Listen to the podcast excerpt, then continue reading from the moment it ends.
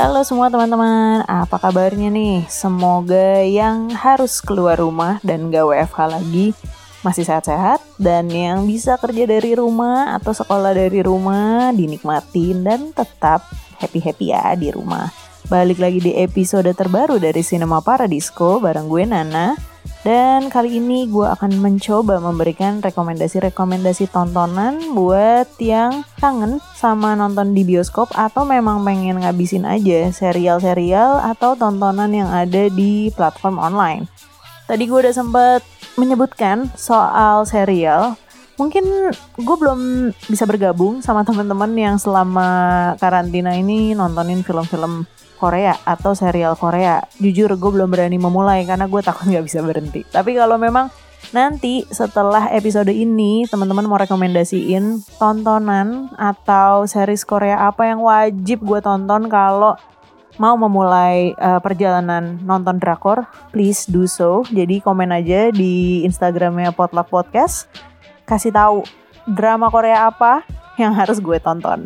Nah, sambil menunggu rekomendasi dari teman-teman, gue mau sedikit kasih rekomendasi duluan tentang series apa nih yang lagi ditonton dan juga cerita tentang apa sih. Nah, kita mulai ya. Yang pertama adalah Good Girls. I cannot believe you. Chill, sis. I'm like two minutes late. Ready for this? Now or never. Let's do it. Ladies and gentlemen, this is a robbery. Hi. How old are you? We have hardly anything in our accounts. Your child bride wears very expensive underwear. Get on the ground. Keep your hands where I can see them. My ex is suing me for custody. You should probably get a lawyer. I can't afford to fight it.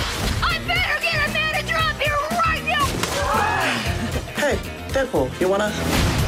My daughter needs this treatment. The drug you're talking about is 10 grand a month out of pocket. My husband and I work all the time.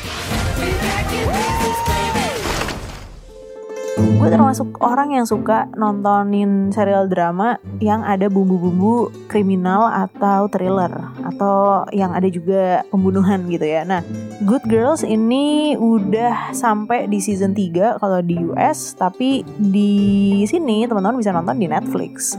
Ada dua season dan ceritanya benar-benar menunjukkan judulnya ya. Good Girls ini tentang tiga ibu-ibu rumah tangga yang punya banyak masalah, terutama masalah keuangan. Sampai satu hari mereka berniat untuk menyudahi saja masalah-masalah mereka dan dengan cara apa? Merampok supermarket. Mereka bukan apa ya, bukan kriminal profesional atau yang memang niat untuk jadi pencuri atau perampok, tapi benar-benar terjepit situasi sampai mereka akhirnya merampok supermarket dan sukses membawa sejumlah uang. Dan uang itu tentunya bisa menyelesaikan beberapa masalah mereka kayak ada salah satu tokoh Ruby yang anaknya memang sakit dan menunggu donor ginjal. Itu duitnya dia memang dia butuhkan untuk uh, untuk transplantasi uh, ginjal ketika nanti dia dapat donor. Lalu ada juga Elizabeth atau Beth yang pernikahannya terguncang karena sang suami ternyata uh, berselingkuh dengan sekretarisnya dan ternyata dia tidak membayar mortgage rumahnya dan bisa disita rumahnya. Padahal dia punya anak empat kalau gue nggak salah. Jadi Beth ini juga stres uh, dengan situasi keuangannya. Dan juga yang terakhir uh, Annie adiknya Beth yang juga punya masalah nggak jauh-jauh dari duit. Karena dia dalam posisi ingin memenangkan custody anaknya dari sang mantan suami dan itu tentunya nggak murah dong ya buat menyewa lawyer. Jadi memang ide merampok supermarket itu jadi sesuatu yang cukup menantang dan juga jadi problem solver gitu dan si good girls ini tiga good girls ibu-ibu ini cukup sukses dan lumayan teratasi masalah mereka tadi. Nah tapi ternyata di sinilah keseruan si Good Girls series ini yang berasa makin lama makin intens. Ternyata perampokan supermarket itu bukan cuma soal perampok aja, karena di balik itu ada mafia yang nggak terima kalau salah satu tempat mereka mendapatkan uang dirampok sama ibu-ibu ini. Dan diketuai oleh seorang cowok dengan tato di leher yang nanti kita akan bisa melihat tuh bernama Rio dan dia ini mendatangi mereka tiga orang ini, Beth, Amy sama Ruby untuk tanggung jawab. Ibaratnya balikin nih duit gue yang lo rampok. Padahal duit-duit itu ya udah gone dipakai untuk buat biaya kesehatan, buat bayar utang, sampai si Eni juga sempat berhura-hura lah gitu. Dan tapi gimana dong kalau enggak dia udah ngancem buat ngebunuh keluarga si setiap orang ini gitu. Nah, jadi the whole series cerita tentang gimana terornya Rio kepada Beth Amy sama Ruby untuk balikin duitnya. Dan ini yang bikin seru tuh menurut gue.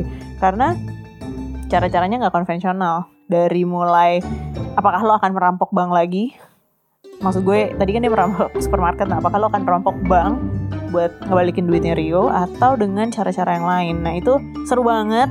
Gue nggak mau spoiler, tapi intinya cara-cara yang lo nggak kepikiran ya. Oh gini ya, cara uh, mendapatkan uang dengan cepat. Bahkan si tiga tokoh utama pun juga kayak ini gue disuruh apa sih? Ada yang kayak mereka cuma disuruh keluar dari border dari US ke border di Kanada, terus mereka harus balik lagi.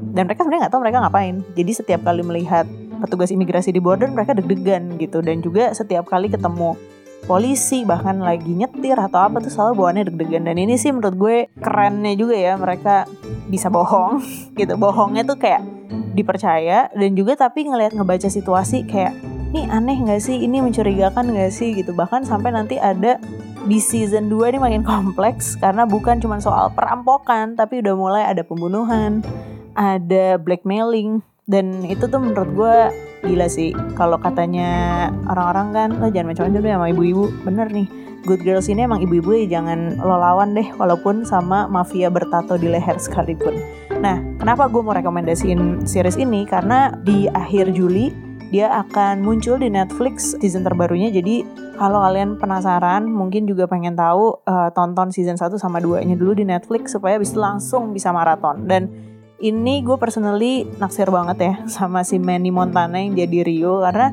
kalau lo nonton lo bisa ngerasa aura mafia, bad boy yang gimana gitu. Itu bikin lo agak kayak nah gimana nih si tokoh jahat ya ketika di satu series lo justru pengen lihat tokoh jahat instead of yang baik. Nah tonton sendiri deh. Good Girls di Netflix udah ada dua season dan nanti akan ada season ketiganya akhir Juli. Oke? Okay? This town's all about dreams. And some of my customers don't just come here for gas. What's the password again?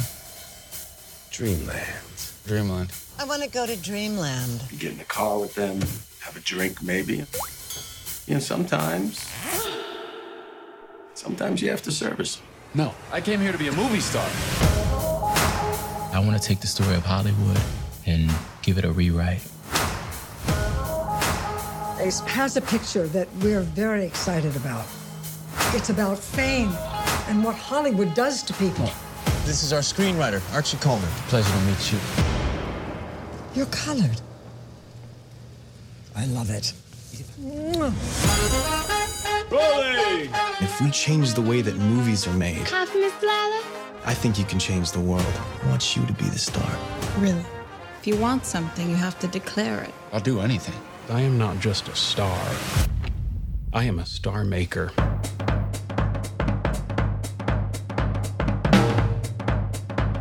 Gue mau rekomendasiin dulu nih series yang lagi gue tonton. Nah untuk series yang satu ini gue belum selesai nih, tapi udah di perjalanan dan ini menarik banget sih. Judulnya Hollywood. Ini mini series 7 episode dan ini tiap episodenya itu sebenarnya langsung abis. Jadi mungkin selesai ceritanya, tapi abis itu di episode berikutnya ada yang nyambung. Jadi nggak terlalu masalah lah kalau emang kalian nontonnya nggak langsung abis. Nah ini sesuai dengan judulnya ya. Ini ceritanya tentang kisah behind the scene kemewahan, hingar-bingarnya Hollywood, tapi dari sisi orang-orang yang lagi berjuang untuk menembus si industri Hollywood tersebut gitu kan. Nah yang menarik ini memang diceritainnya justru di Hollywood Golden Age yang terjadi sekitar setelah Perang Dunia Kedua gitu. Dan ini benar-benar nunjukin gimana sih ternyata yang namanya American Dreams itu termasuk juga uh, menembus Hollywood gitu. Nah ini ada beberapa tokoh dan yang waktu itu gue udah sempet nonton dan sangat mencuri perhatian ini adalah si Jack Castello. dia memang ceritanya veteran tentara yang pindah ke Hollywood buat mencoba peruntungan jadi aktor. Nah di sini ceritanya memang kalau lo mau ikut audisi itu nggak bisa langsung uh, semudah itu dapat audisi, tapi lo lo coba setiap harinya untuk dipilih jadi ekstras. Nah untuk jadi ekstras pun effortnya tuh lumayan banget sih jadi kayak harus datang tiap hari nanti akan ada kayak casting directornya yang melihat cuman ngeliat lo doang dari pinggir pagar dan itu uh, wah ini siapa yang cocok untuk ekstras itu baru untuk jadi ekstras gitu. Nah tapi juga dia di sini masalahnya adalah dia butuh duit karena istrinya lagi dia dan istrinya lagi proses untuk punya anak. Jadi ya masalah-masalah seperti ingin mencapai karir tapi juga dia mau memenuhi kebutuhannya sehari-hari belum hutang-hutangnya. Nah, si Jack sendiri ini nggak mulus lah, walaupun dia di sini digambarkan sangat tampan, menarik. Uh, David Cornsweet nih yang berperan sebagai Jack. Nah ini juga dia akhirnya mencoba cari peruntungan yang lain, ternyata dia mendapatkan tawaran. Tawaran itu adalah bekerja di uh, quote unquote itu pom bensin. Nah sebenarnya pom bensinnya ini juga sedikit shady, shady tapi nggak shady juga untuk pemasukannya si Jack. Karena di pom bensin ini ternyata bukan cuma servis mengisi bahan bakar yang dilakukan tapi juga ada servis lain yang memungkinkan Jack akhirnya bisa mendapatkan uang lebih banyak. Dan nanti along the way dia ternyata punya kesempatan untuk masuk ke industri dan mendapatkan casting yang selama ini dicita-citakan tapi memang jalannya nggak mulus dan nggak sebersih itu. Nah ini nih serunya di sini karena di sini mulai muncul tokoh-tokoh yang lain termasuk nih ya Salah satu tokoh yang bikin gue sangat penasaran buat nonton series ini adalah Jim Parsons. Konon dia ini tokoh fiksi ya, yang merupakan jadi kayak talent agency untuk mengontrak aktor-aktor baru yang nantinya mungkin akan di audisi atau bahkan bisa mungkin jadi aktor hebat di Hollywood. Nah, Jim Parsons yang selama ini mungkin lo nonton di Big Bang Theory, nah ini nih dia beda banget sih.